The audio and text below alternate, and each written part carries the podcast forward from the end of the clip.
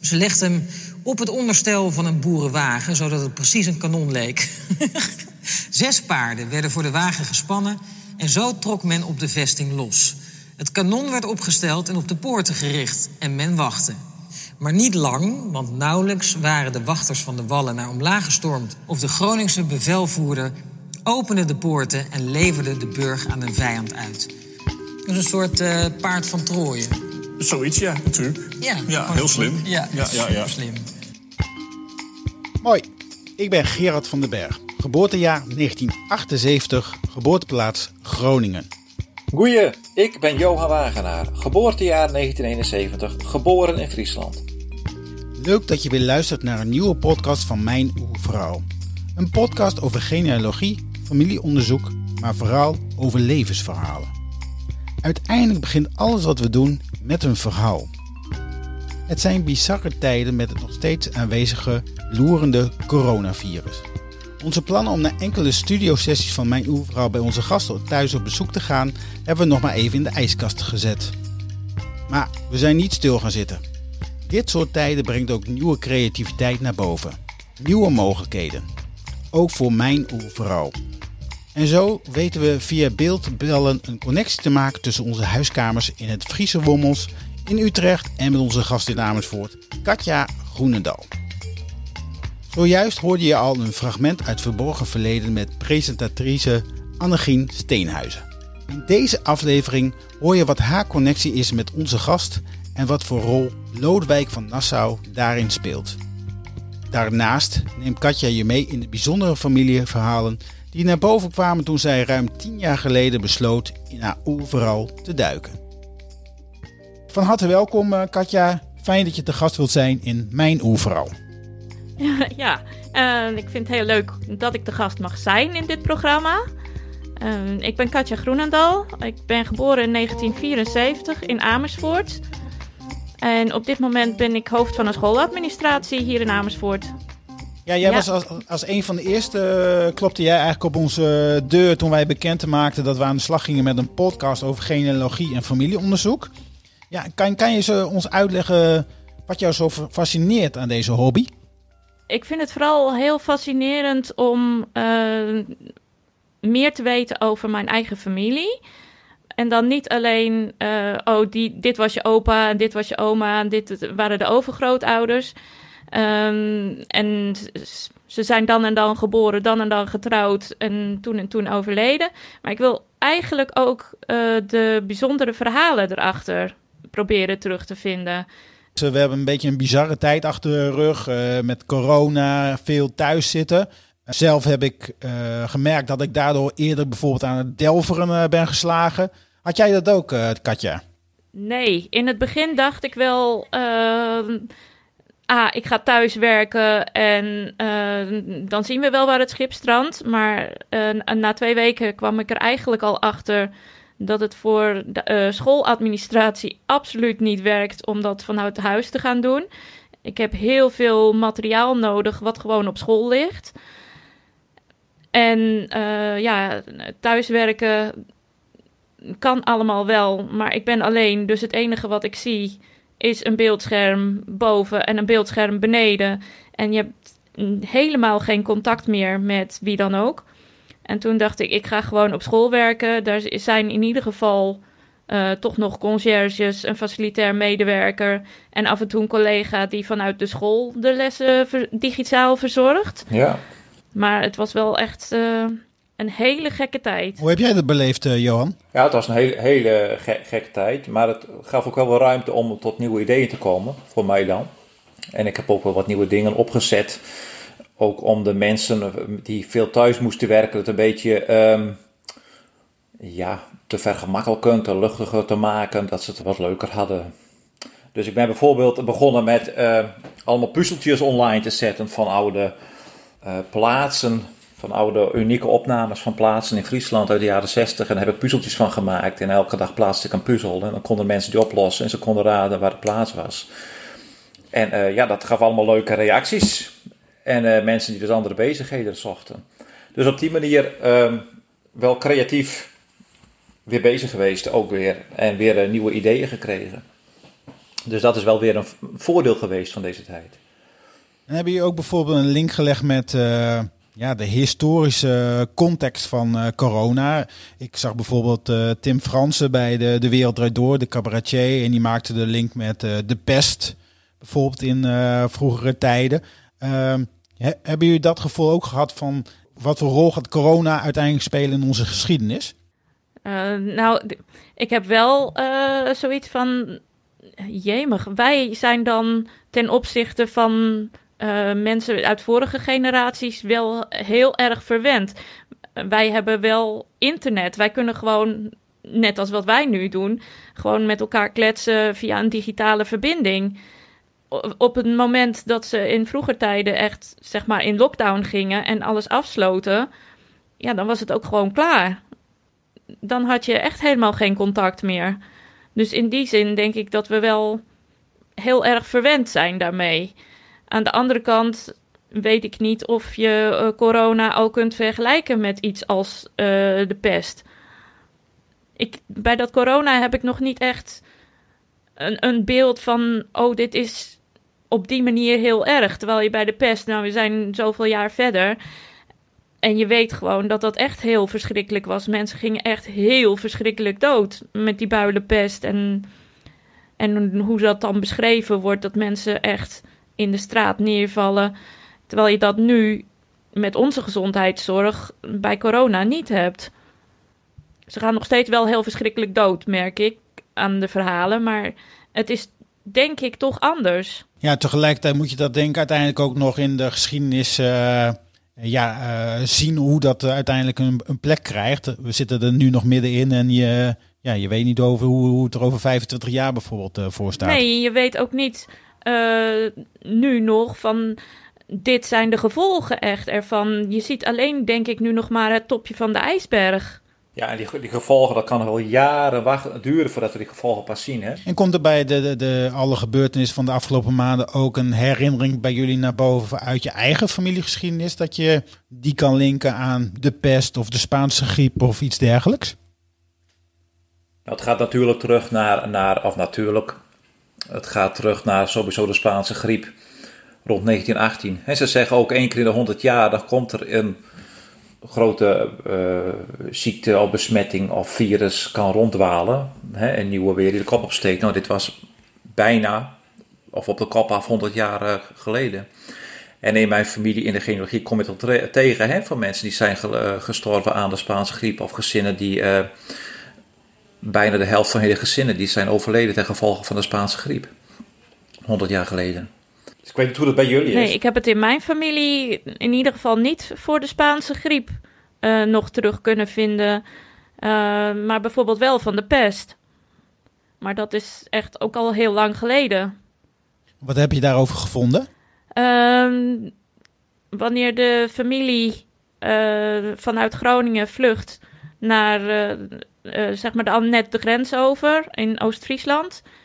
Uh, daar is van bekend dat nadat ze gevlucht zijn, uh, dat ze daar in ballingschap zijn overleden aan de pest. Hey, en waarom is die familie gevlucht?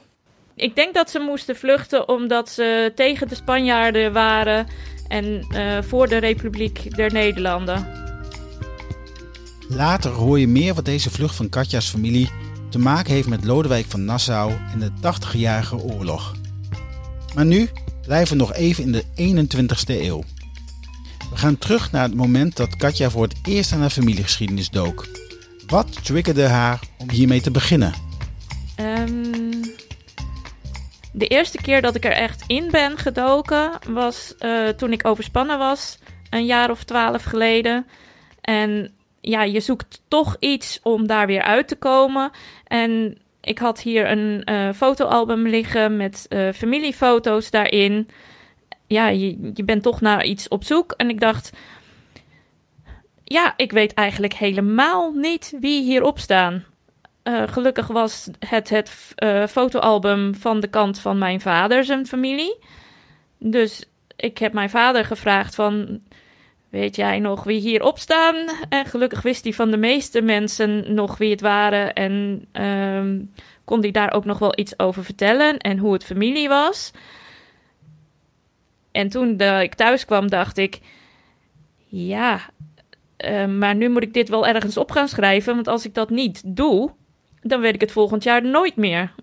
Dat onthoud je niet. Je, je kunt wel op een achterkant van een foto schrijven wie op de foto staat. Maar je kunt daar niet het hele verhaal op kwijt. En ook niet het hele verhaal van dat is tante die en die is familie van die. En dan uh, was daar ook nog een oom bij. Nou, dat, dat lukt niet. En toen ging ik op uh, de computer op zoek naar iets van een uh, pakket om daarmee foto's te kunnen bewaren en de onderlinge relatie. En toen kwam ik al heel snel op een stamboompakket. En ja, van het een kwam het ander. En toen zei mijn broer: Oh, dat is leuk. Uh, laat maar zien hoe ver je terug kunt. Oh, je werd aan het werk gezet. ja, zo werkt dat. Uh. Ja, ja. Dus ja, en uh, op, op het moment dat ik dus zo'n stamboompakket op mijn computer had, dacht ik van, maar hier kan je een heleboel leuke dingen mee. En misschien kan ik nog wel veel meer dingen vinden van die mensen dan alleen deze ene foto. Ja, en toen kwam van het ene het ander. En is dat tot zover al, al een stuk gelukt dat je meer dingen kunt vinden dan alleen die ene foto? Nou, ik heb ook al um, best leuke verhalen gevonden. Deels door gewoon een naam in te typen in Google. Um, deels ook door een naam in te, in te toetsen bij Delver. Ja, je vindt niet altijd even leuke verhalen. Maar so soms vind je gewoon wel hele leuke verhalen. Maar ja, moet je alleen leuke verhalen vinden? Dat niet, minder leuke verhalen horen er ook bij natuurlijk, bij je familie. Ja, tuurlijk. Maar ja, je, ik zelf vind het leuk om gewoon uh, heel veel positieve verhalen te vinden. Ja, en die had je misschien in die tijd toen je die foto's vond ook wel nodig. Wat positieve verhalen, omdat je zelf op dat moment misschien even wat uh, minder... Uh... Ja, zeker. Ja. Ja. Je moet heel veel zelf opnieuw uitvinden. En je vindt zelf dus al die wegen ook. Uh, je, je, zoekt op internet naar stambomen, je zoekt in oude kranten naar stambomen, je vindt bepaalde bronnen. Heb je ook bepaalde cursussen gevolgd of iets dergelijks? Um, ik heb de cursus genealogie bij de NHA gevolgd, twee jaar geleden. En wat leer je dan zoal op zo'n cursus? Wat heb je daar uh, aan gehad? Ik vond het vooral uh, heel veel inzicht geven in welke bronnen je naast wie is wie en gewoon de actes kunt gaan zoeken. En ook uh, hoe je aan uh, materiaal komt wat je gewoon bij je stamboom kunt voegen. Zoals uh, plaatjes van steden, um, foto's van nu. En dat je daar eigenlijk ook nog best wel veel informatie uit kunt halen van hoe het vroeger was. Ja, ik weet niet hoe jullie, jullie bekend zijn met Amersfoort, maar de oude stadskern van Amersfoort, die is er nog gewoon. En uh, op zich is dat gewoon heel erg leuk om te zien. Als je dan weet waar je uh, familie ongeveer heeft gewoond. En je gaat dan op excursie met je eigen school, maakt foto's en je realiseert je dan. Maar ik had toch net gisteren uitgevonden dat hier mijn familie woonde. Ja, cool. Ja, precies. Dat soort dingen. En ik heb ook een foto vanaf de toren hier in de stad gemaakt. En die heb ik precies vanaf hetzelfde punt gemaakt als een fotograaf uh, van 100 jaar geleden. En dat is ook heel gaaf als je die gewoon onder elkaar zet. Ja, zeker, zeker. En helemaal als je dan eh, de tijd van nu kunt terugleiden naar de tijd van toen, toen jouw voorouders daar woonden. En daar hebben gelopen. En jij loopt er over diezelfde wegen. Ja. In hun voetstappen letterlijk. Ja, dat, dat vind ik heel leuk. En ik ben ook uh, een aantal jaren geleden uh, naar Groningen geweest. Echt met het doel om te kijken van, nou, welke dorpjes woonde mijn familie? Uh, hoe ziet die toren eruit? Hoe ziet de kerk eruit? zijn er nog op begraafplaatsen restanten te vinden? En ja, en dan sta ik daar in zo'n terpdorp en dan sta ik bovenop die terp en dan denk ik, oh, dat vind ik wel heel gaaf, eigenlijk. Dan wil je daar gewoon wonen. nee, ik ben een Amersfoortse en ik zal altijd een Amersfoortse blijven, maar um, ik vind dat toch wel heel erg mooi als je zo op zo'n terp staat en, en een enorm uitzicht hebt over dat land. Ja, maar nee, ik ga daar niet wonen.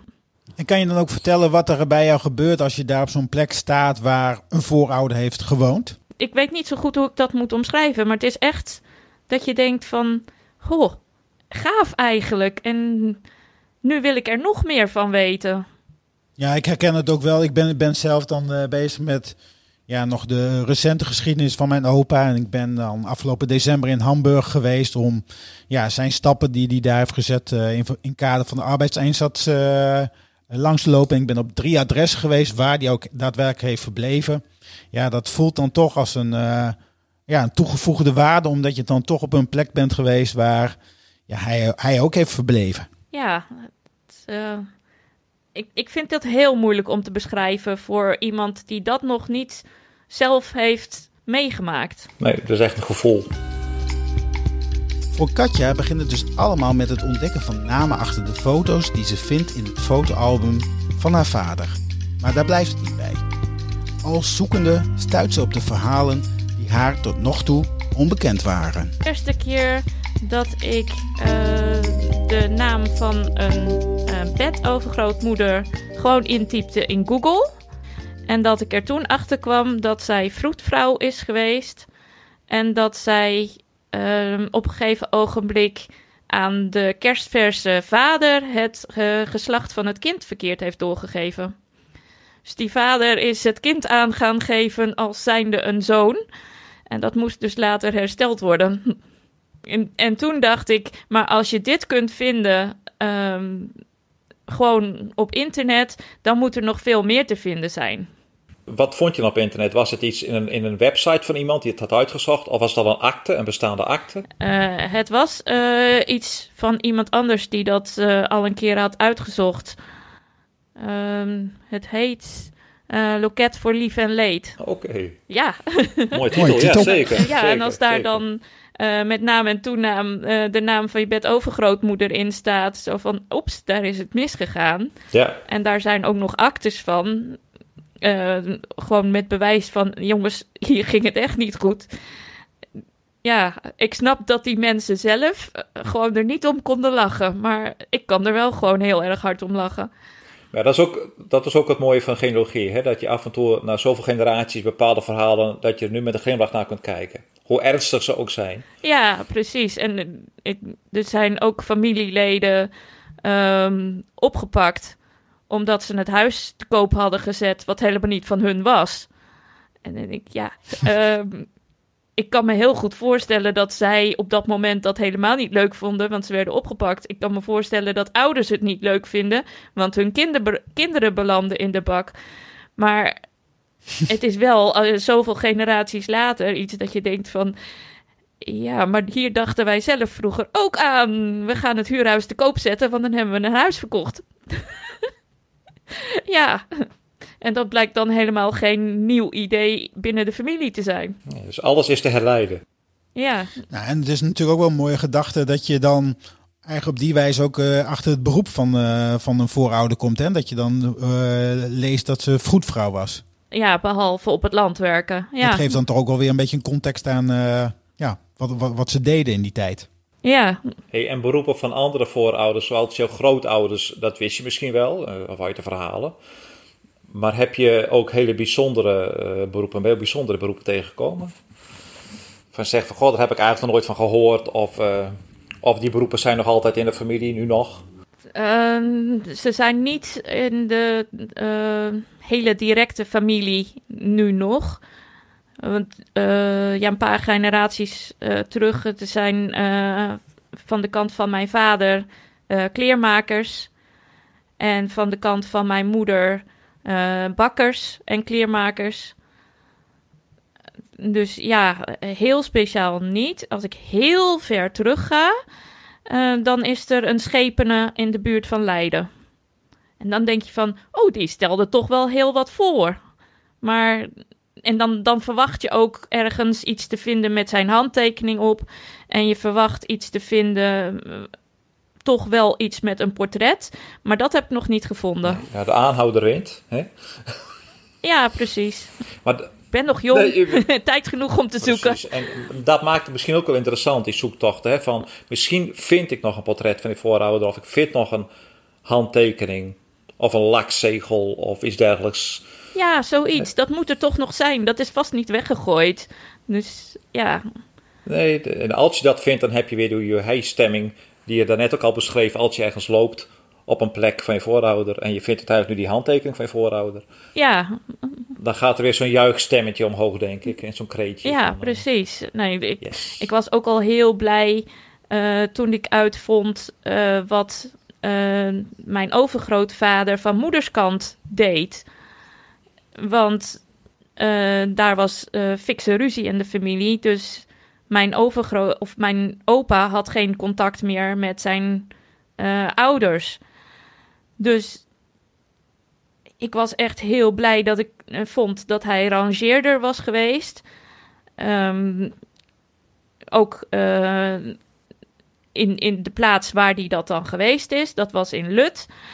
En ik heb ook een foto gevonden waar die misschien op zou kunnen staan. Maar ja, dat is nog wel even misschien. Dus ik moet nog wel ergens gaan uitvinden van wie zijn nou die mensen die op die foto staan. En hoe ga je dat uitvinden, denk je? Heb je daar een idee over? Ik, er moet een eh, eh, historische vereniging in de buurt van Lut zijn. Dus daar wilde ik beginnen. En ik kan de foto ook nog wel op Facebook zetten. En vragen of er meer mensen zijn die misschien daar nog verhalen van weten of daar nog kennis van hebben. Precies. Of, of misschien nog oude boeken eh, over de streek met streekhistorie, dorpshistorie, waar foto's in staan. Ja, Ja. zoiets. Ja. Nou, alweer een, je hebt allemaal leuke zoektochten joh, die, je, die je gaat doen. Op zoek naar handtekeningen, foto's, eh, dat is... eh, Ja, Schilderijen. Schilderijen, ja. ja. Ja, en je vertelde ook in de gesprekken die we eerder hadden dat een van, voor mij je opa, hè, die was, er was vertegenwoordiger in Knopen, hè? Ja, dat is de vader eh, van mijn vader. Die was eh, vertegenwoordiger voor de steennoodknopenfabriek. Ja. Maar dat is ook zo'n beroep wat je tegenwoordig niet meer tegenkomt. Je, je probeert je dat voor te stellen dat hij langs de deur ging met een knopen zetten en op die manier dingen ging verkopen. Ja, dit is, dit is inderdaad niet meer voor te stellen. En dat is ook. ehm, mijn opa was vertegenwoordiger.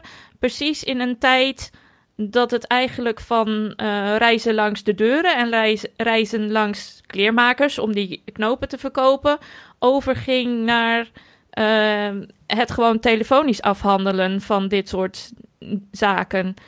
En mijn opa heeft heel lang geweigerd om een telefoon aan te schaffen. Dus eh, ja, het gevolg was wel dat hij daardoor op een gegeven ogenblik zijn baan kwijt was. Wat was de reden dat hij geen eh, telefoon wilde aanschaffen dan? Hij vond het blijkbaar te modern. ja, moderne fratsen, dat moet je allemaal niet. Nee. met nadelige gevolgen uiteindelijk voor hem dus. ja, ja. Ja.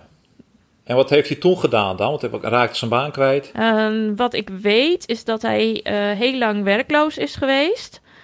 En dat hij eh, daarna is gaan werken ehm, op het militaire complex hier bij Amersfoort.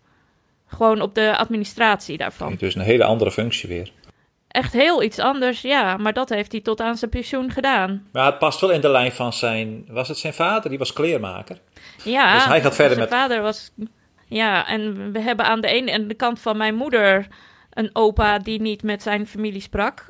En we hebben aan de kant van mijn vader... een opa die niet met zijn familie sprak. Dus Ah, ja. het is allemaal om het eh, lekker eenvoudig Ja, te maakt het houden. niet gemakkelijker op. Nee, maar eh, mijn overgrootvader was dus kleermaker en mijn opa eh, vertegenwoordiger in knopen. En mijn opa ging de kleermakers af en kwam op een gegeven ogenblik bij zijn vader in de kleermakerij terecht om die knopen te verkopen. Oké. Ja, dat viel niet helemaal in goede Nee, aarde. hoe is dat zo gelopen, denk je dan? Hè? Hoe, is dat, eh, hoe kon dat zo gebeuren? Ja, wat ik weet is dat eh, in, in onze kant van de familie gaat het verhaal dat mijn overgrootvader zijn vrouw en mijn opa, toen hij nog heel klein was, eh, geprobeerd heeft te, te vergiftigen, omdat hij verliefd was geworden op een andere vrouw. Ik, heb in contact gehad met eh, kinderen van zijn overgrootvader, of, of ja, van hem via de andere kant. En die weten helemaal niks van dat vergiftigingsverhaal. Die weten alleen maar dat hij met een andere vrouw er vandoor is gegaan naar Amsterdam. Dat is nogal een verhaal eigenlijk, hè? Een behoorlijk verhaal, heftig verhaal. Het is heel heftig, ja. Maar ik heb daar dus dus geen enkel bewijs Ga je voor. er ook nog naar op zoek om een bewijsstuk te vinden, ergens in het archief? Eh, iets van een vonnis of, of politierapporten of...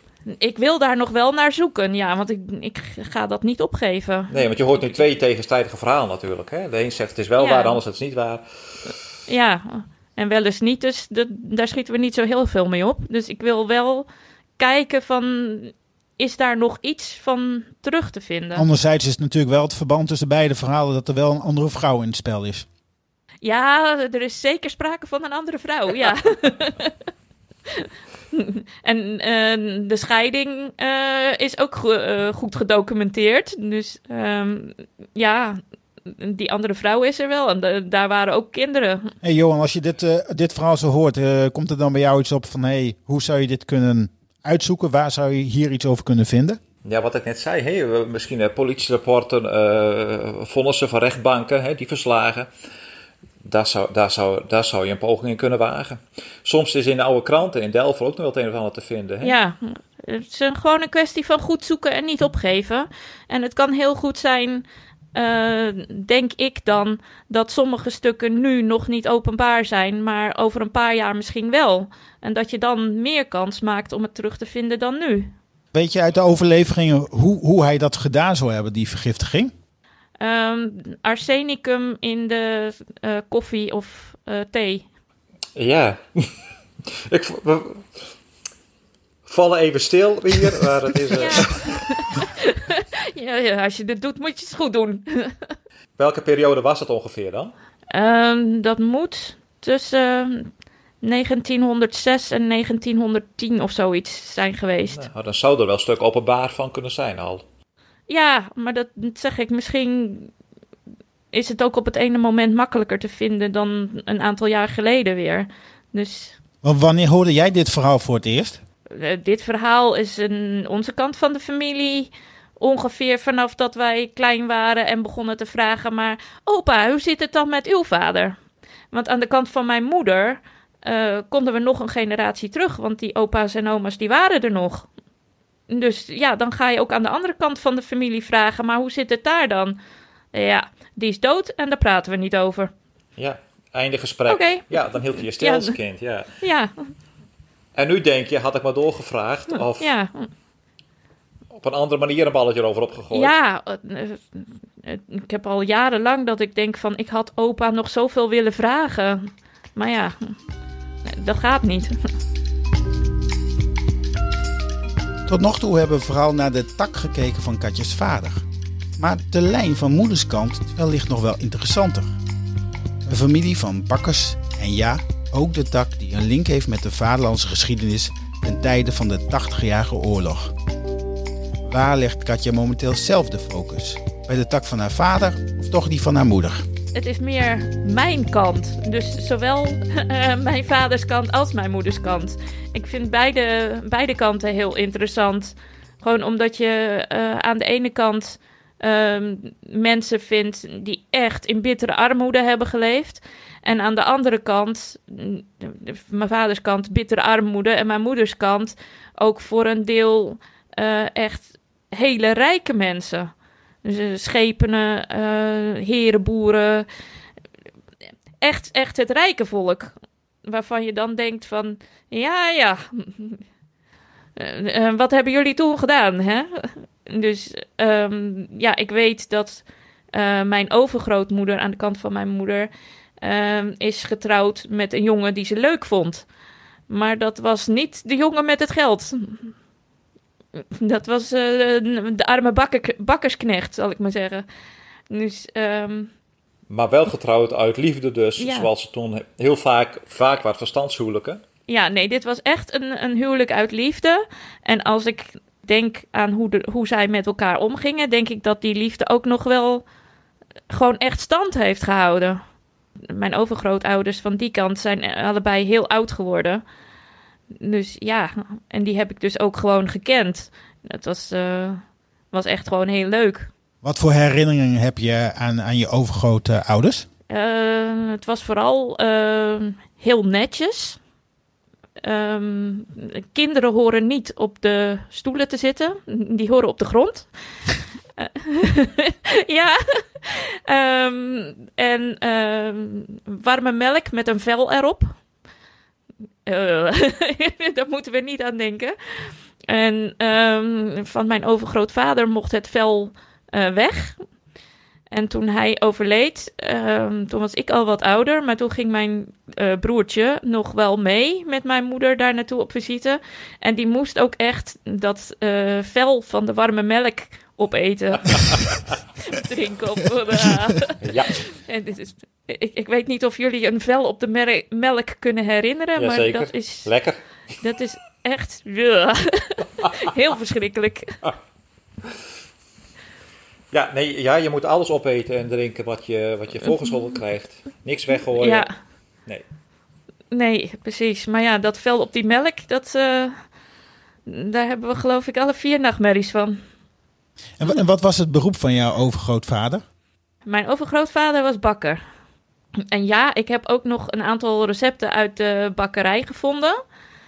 Ehm, waarvan ik eh, in een voorgesprek aangaf van, nou, misschien wil ik dat wel proberen.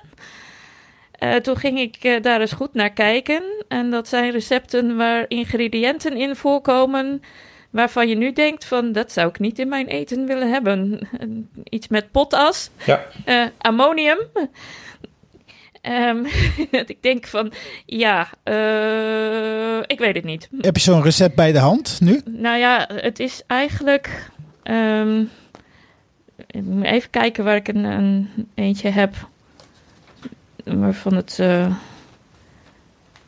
die ik laatst dacht van. Ja, nou ja, het is eigenlijk niet echt een, een recept. Het is meer een ingrediëntenlijst en daar staat dan onder re- recept. Ehm 4 pond bloem, 1 pond boter, 16 ons suiker, drie eieren en melk, noot, kaneel, nagelolie en ammonium. Goed recept. Het is voor Jan Hagel. Oké, Jan Hagel. Ja. En, dan denk je van ja, ehm, het is, ziet er meer uit als eh, het middelste gedeelte van heel Holland bakt. Je krijgt een lijstje met ingrediënten en zoekt lekker uit. eh. Ja, maar wel heel waardevol. Ik kom zelf ook uit een bakkersfamilie en er zijn heel veel ook receptenboeken en bakvormen en van alles uit de bakkerij bewaard gebleven. En het is wel heel interessant om dat gewoon eens door te lezen. Hè? Hoe die recepten zijn samengesteld, welke Ja. ingrediënten ze gebruikt, wat jij ook Ja. al zegt. En als je ook ziet, ik, ik weet niet of jij dat hebt gevonden, eh, een, een, diploma van vakbekwaamheid bijvoorbeeld. Hè? De- voordat ze bakker werden en ze zijn geslaagd. En daar stond er gewoon precies bij van hoe ze de stukjes eh, taart hebben opgemaakt en opgespoten. En hoe het eruit zag. En wat heel uitvoerig uitgebreid ge- beschreven. En daar werden ze op beoordeeld. In het Nee, bakkersvakexamen. Nee, dat heb ik dan niet gevonden. Ik, eh, ik zal het moeten doen met de aantekeningen in het eh, handschrift. En eh, met, met zeg maar de recepten verder. Is het handschrift van je overgrootvader of van je grootvader? Ik, het is van mijn overgrootvader. Ehm, en het, het boekje begint met een ander handschrift. Dus misschien is dat wel zelfs het handschrift van mijn bedovergrootvader. Hey, dat zou bijzonder want die zijn. was ook bakker. Dat zou bijzonder zijn. Maar dat weet ik niet. Actes vergelijken waar hij eh, zijn handtekening onder heeft gezet ja, of zo. precies. Ja. Of, of misschien eh, kijken eh, of ze verder nog iets geschreven hebben wat is bewaard gebleven. Maar het is duidelijk een, een boekje met tekst in, in twee soorten En, is toch handschrift. ook, en hoe, hoe ervaar je dat je dat gewoon in handen hebt? Iets wat misschien van, jou, misschien van je bedovergrootvader is geweest. Dat Ja. jij dat ook in handen hebt, dat heeft hij, daar heeft hij ook zijn hand wel op gehad. Ja, dat, dat heeft hij gewoon gebruikt. Dat vind ik, toen ik het vond tussen de stukken, eh, tussen, het zat tussen een hele stapel foto's in. En toen had ik echt zoiets van, oh wat gaaf is dit. Maar toen dacht ik ook al van, oh ik zou, dat, zou die dingen wel eens wi- willen proberen. En toen keek ik er ook al naar en toen dacht ik, ja, maar dit zijn ingrediënten. A, ik weet niet wat het is. B, dit klinkt niet alsof ik dit wil eten. Eh, ik wacht hier nog even mee. Ik, ik zou toch eens eh, een keer proberen te creëren en kijken gewoon wat er ontstaat. Je Je hoeft het nog niet op te eten, maar je gewoon kijken wat, uh, wat het is. ja, maar dat vind ik dan weer sunten van de ingrediënten die wel ja. eetbaar zouden kunnen zijn. Kijk, dat is weer zuinigheid met vlijt. Dat heb je toch van je overgrootmoeder meegekregen, hè? Dat vel. Ik denk het wel, ja. Dus, hè? In, in, jouw familie zijn in ieder geval heel veel verhalen aanwezig. Ben je al bezig om dat op papier te zetten of daar iets mee te gaan doen? Um, ik ben het nu eigenlijk alleen nog maar aan het verzamelen. Um, en ik wil het eigenlijk uh, digitaal blijven verzamelen. Dus dat ik er gewoon uh, een, een soort van PDF-achtig document uh, van maak. En dan uh, dat daar links in komen waar mensen op kunnen klikken. Dat linkt naar een filmpje of naar een geluidsfragment of naar een foto of noem het maar op wat je aan digitaal materiaal zou kunnen toevoegen in dat PDF-document.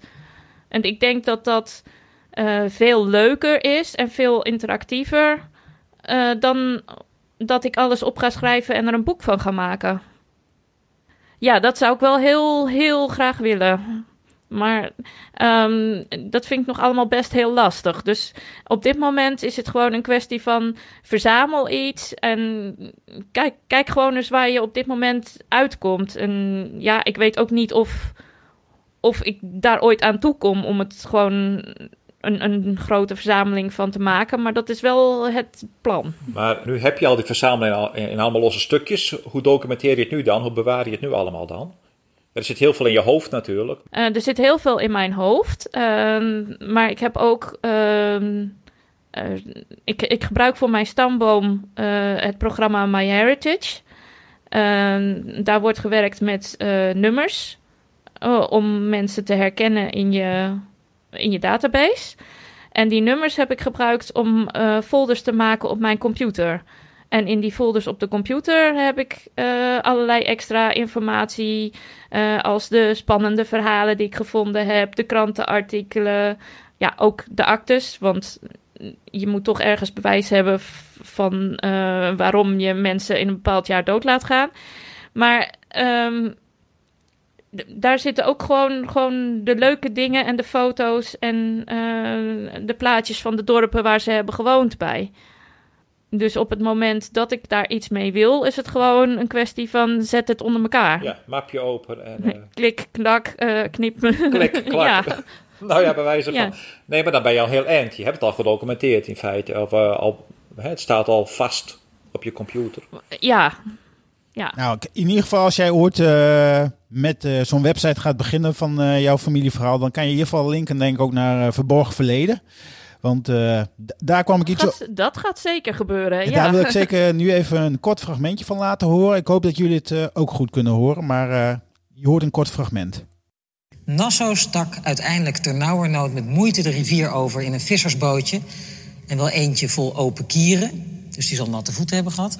Minstens. En bereikte Petcum.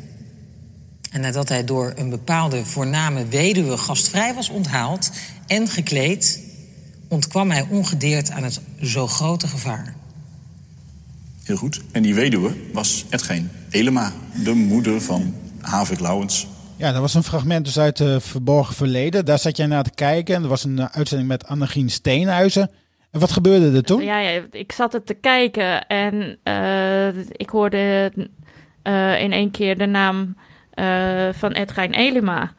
En ik dacht, maar dat is familie? Ik ken die naam uit mijn stamboomonderzoek. Wat? Gaaf! Mijn familie is op de televisie. Helemaal enthousiast. volgende dag gelijk de hele familie afgeappt we zijn op televisie geweest. Je weet net hoe dat gaat. Uh, iedereen gelijk programma van Verborgen Verleden opnieuw kijken. Echt helemaal geweldig. Ja, want, want feitelijk kwam erop neer dat jouw ja, voormoeder Lodewijk van Nassau heeft geholpen. Hè? Ja, daar komt het op neer, ja zoals het in de uitzending werd gezegd, waarschijnlijk heeft hij daar gewoon uh, bij jouw voormoeder op de koffie geweest. Ja, aan de keukentafel gezeten, schone kleren gekregen. ja, ja. Ja, dan, dan wordt de grote geschiedenis echt, echt een onderdeel van, van jouw familieverhaal. En uh, ik, ik, vond dit zo gaaf. Ik bedoel, uh, heel Nederland, die in ieder geval kijkt naar verborgen verleden, verwacht denk ik op een gegeven ogenblik een connectie te vinden met hun eigen familie.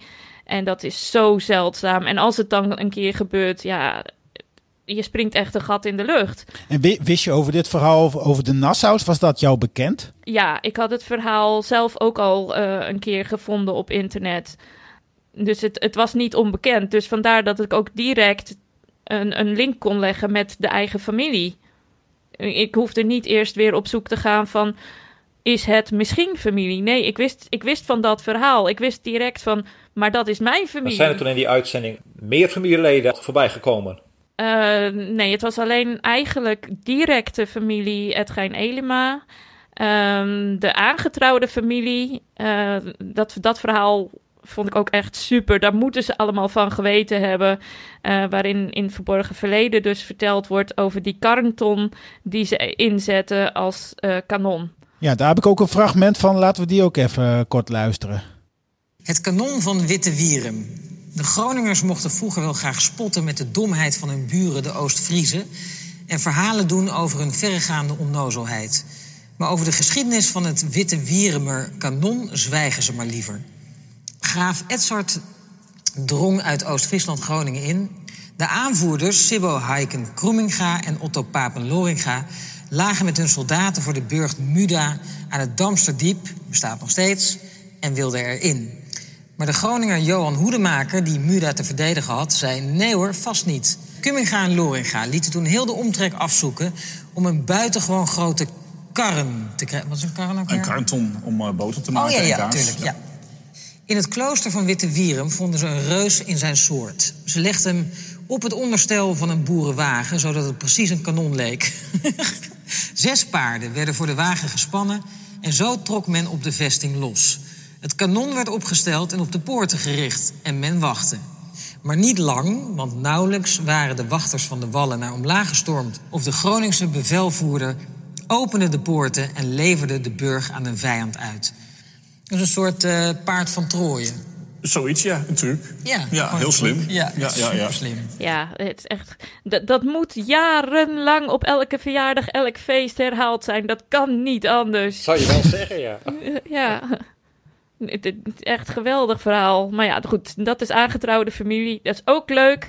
Maar ja, uh, het is niet, niet echt directe voorouders. Nee, maar het vertelt wel weer iets over uh, de geschiedenis en de connectie die je dan toch ja, kan hebben met, uh, met dit soort verhalen. Dat is toch hartstikke mooi. Ja, ja.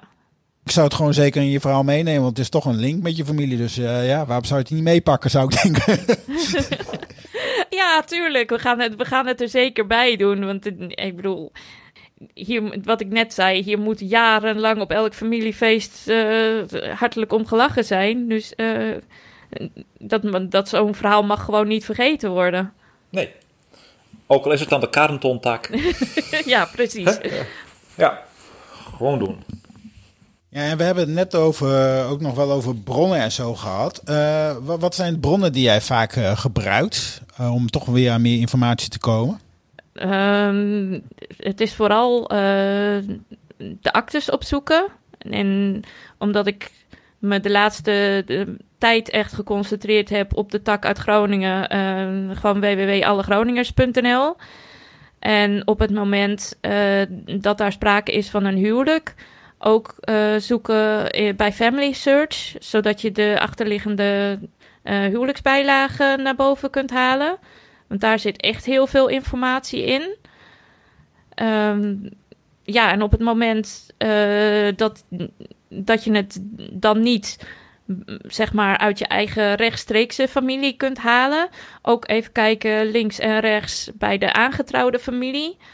Uh, want daar wil ook nog wel eens uh, informatie over je eigen rechtstreekse voorouders terug te vinden zijn.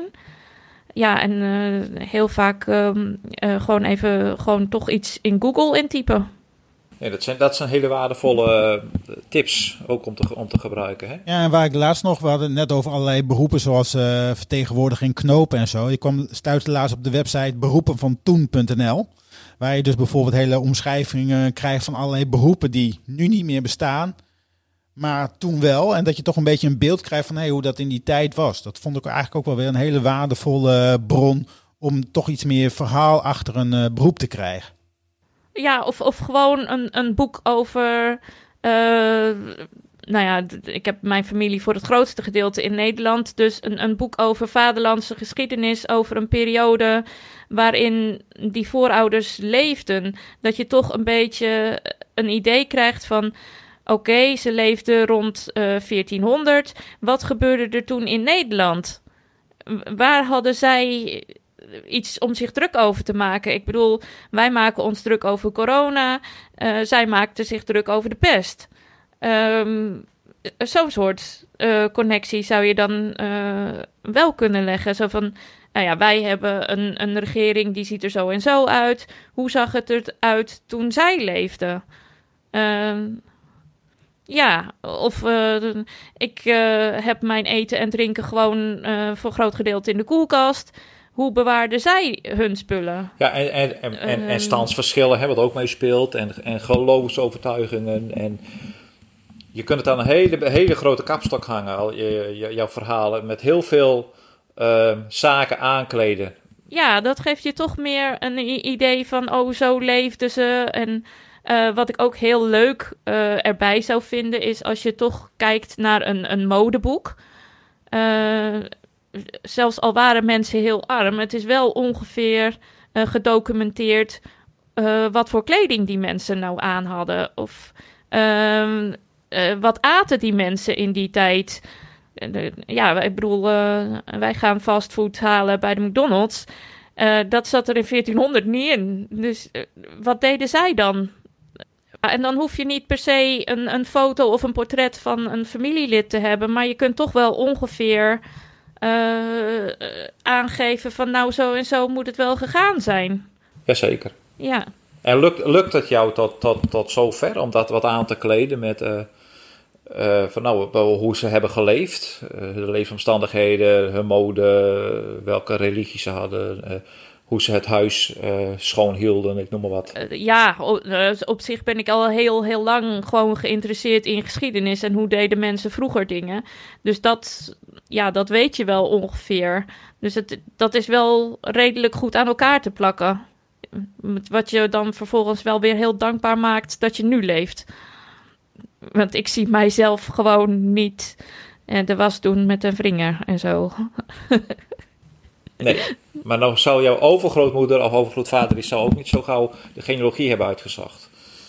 Ook omdat ze dat eh, vanwege tijdsgebrek natuurlijk, maar ook van, en interesse, maar ook dat ging een ander niet aan. En dit was een hele andere tijd. En waarom zou je dat uitzoeken? En...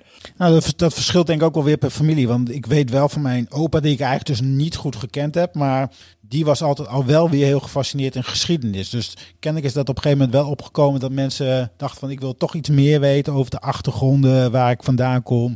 Dat is dan, ja, ik, dan heb ik het natuurlijk over begin 20e eeuw. Maar uh, dan is dan toch dat op een gegeven moment wel op gang gekomen. Ja, bepaalde interesse die ontstond. Ja, kijk, en nu heb je gewoon veel meer mogelijkheden ook om informatie te vinden die hij nooit heeft kunnen uitvinden. Hij moest het echt van de mondelinge overleveringen hebben, zeg maar eigenlijk. Ja, en terwijl wij de mogelijkheid hebben om heel veel gewoon van achter onze computer terug te vinden. Ja, en ook kan je kunnen zeggen, ik ga gewoon een weekendje naar Groningen om te kijken hoe mijn voorouders hebben geleefd. Dat ging uh, eh, 100 jaar geleden, uh, deden ze dat lang zo gauw niet, of helemaal niet.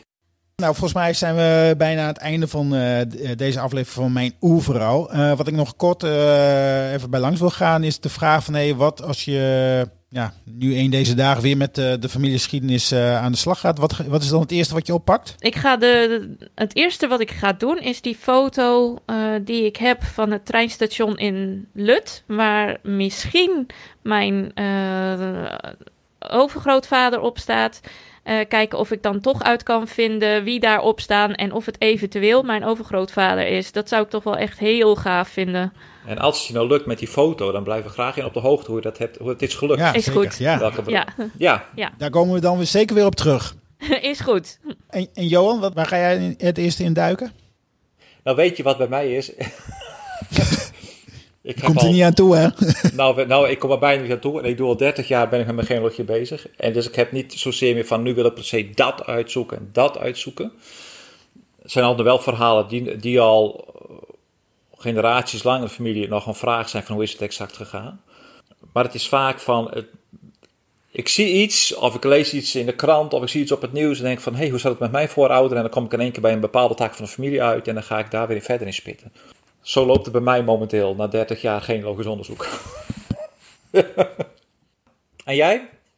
Ja, ik uh, zet voorlopig denk ik de coronasessies nog even voor met mijn ouders. Uh, gewoon vooral uh, veel verhalen van mijn ouders verzamelen en in audio vastleggen. En vanuit daaruit ja, toch kijken of ik dat in boekvorm of audiovorm nou, kan vastleggen en doorgeven aan de volgende generaties. Want uiteindelijk begint ja, het onderzoek toch met, met verhalen vastleggen. En die proberen zoveel mogelijk te bundelen. Ja, nou ja, en nu je het kunt doen, moet je het nu ook doen je kunt, uh, als je ouders er nog zijn, dan moet je en je kunt dat doen, dan moet je daar gebruik van maken. Ja, op het moment dat je je op tijd realiseert dat dat een handig idee is, um, is dat wel inderdaad heel praktisch om te doen voordat ze overlijden. Ja, ja precies. Ja, daarom, want ik denk ook aan jouw Katja, want ik, bij jou is het natuurlijk anders. Dus dan denk ik, het is begeer het heel waardevol dat je dit kan doen. Ja, en, en andere mensen hebben dat geluk niet. Dus ik, eh, dat ik, vind ik wel echt een heel waardevolle tip. Uh, als je ermee bezig gaat, um, begin met de familieleden te interviewen die er nu nog zijn. Nou, dat is voor ons de reden geweest om ooit met uh, mijn oeverhaal te beginnen. En gewoon inderdaad de verhalen van uh, allemaal vast te leggen. korte vraag nog aan jou, Katja, om af te sluiten. Waarom zou je mensen aanraden om met, een, met onderzoek in, in, je familieverleden te beginnen? Of in, in je, in je te duiken? Het is gewoon heel leuk om te doen. En uh, je leert er echt heel veel van. Maar je leert ook te relativeren. Dat, dat vond ik wel echt een hele waardevolle les uit, uit de familiegeschiedenis. Ik ben, zoals ik aan het begin zei, hier aan begonnen toen ik het uh, zelf eigenlijk ook best wel uh, moeilijk had. Een moeilijke fase in mijn leven. En als ik dan zie uh, dat er gewoon voorouders geweest zijn die zeggen acht, acht, negen kinderen hebben gekregen en er over de leven er maar twee of drie. Ja, dat geeft toch wel een heel ander beeld op van, ja, uh, waar maak ik me eigenlijk druk over? Zij verliezen hun kinderen. Ik uh, zie het alleen maar even niet meer zitten omdat ik het gewoon te veel te druk heb. Dat, ja, dat bepaalt je toch wel heel erg bij van wat is belangrijk in het leven. Ja. Ja, dat zet toch alles even in een ander, uh, ander licht. Ja. Nou, dat is een mooie, mooie afsluiter.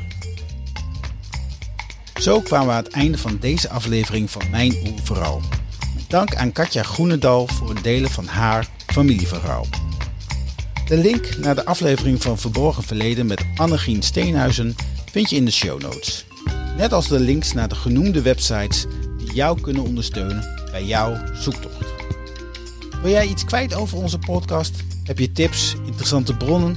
Of heb jij een meeslepend verhaal over jouw zoektocht naar jouw oerverhaal? Spreek een audiobericht in via WhatsApp met je dictafoon en stuur hem naar 06 411 05 384.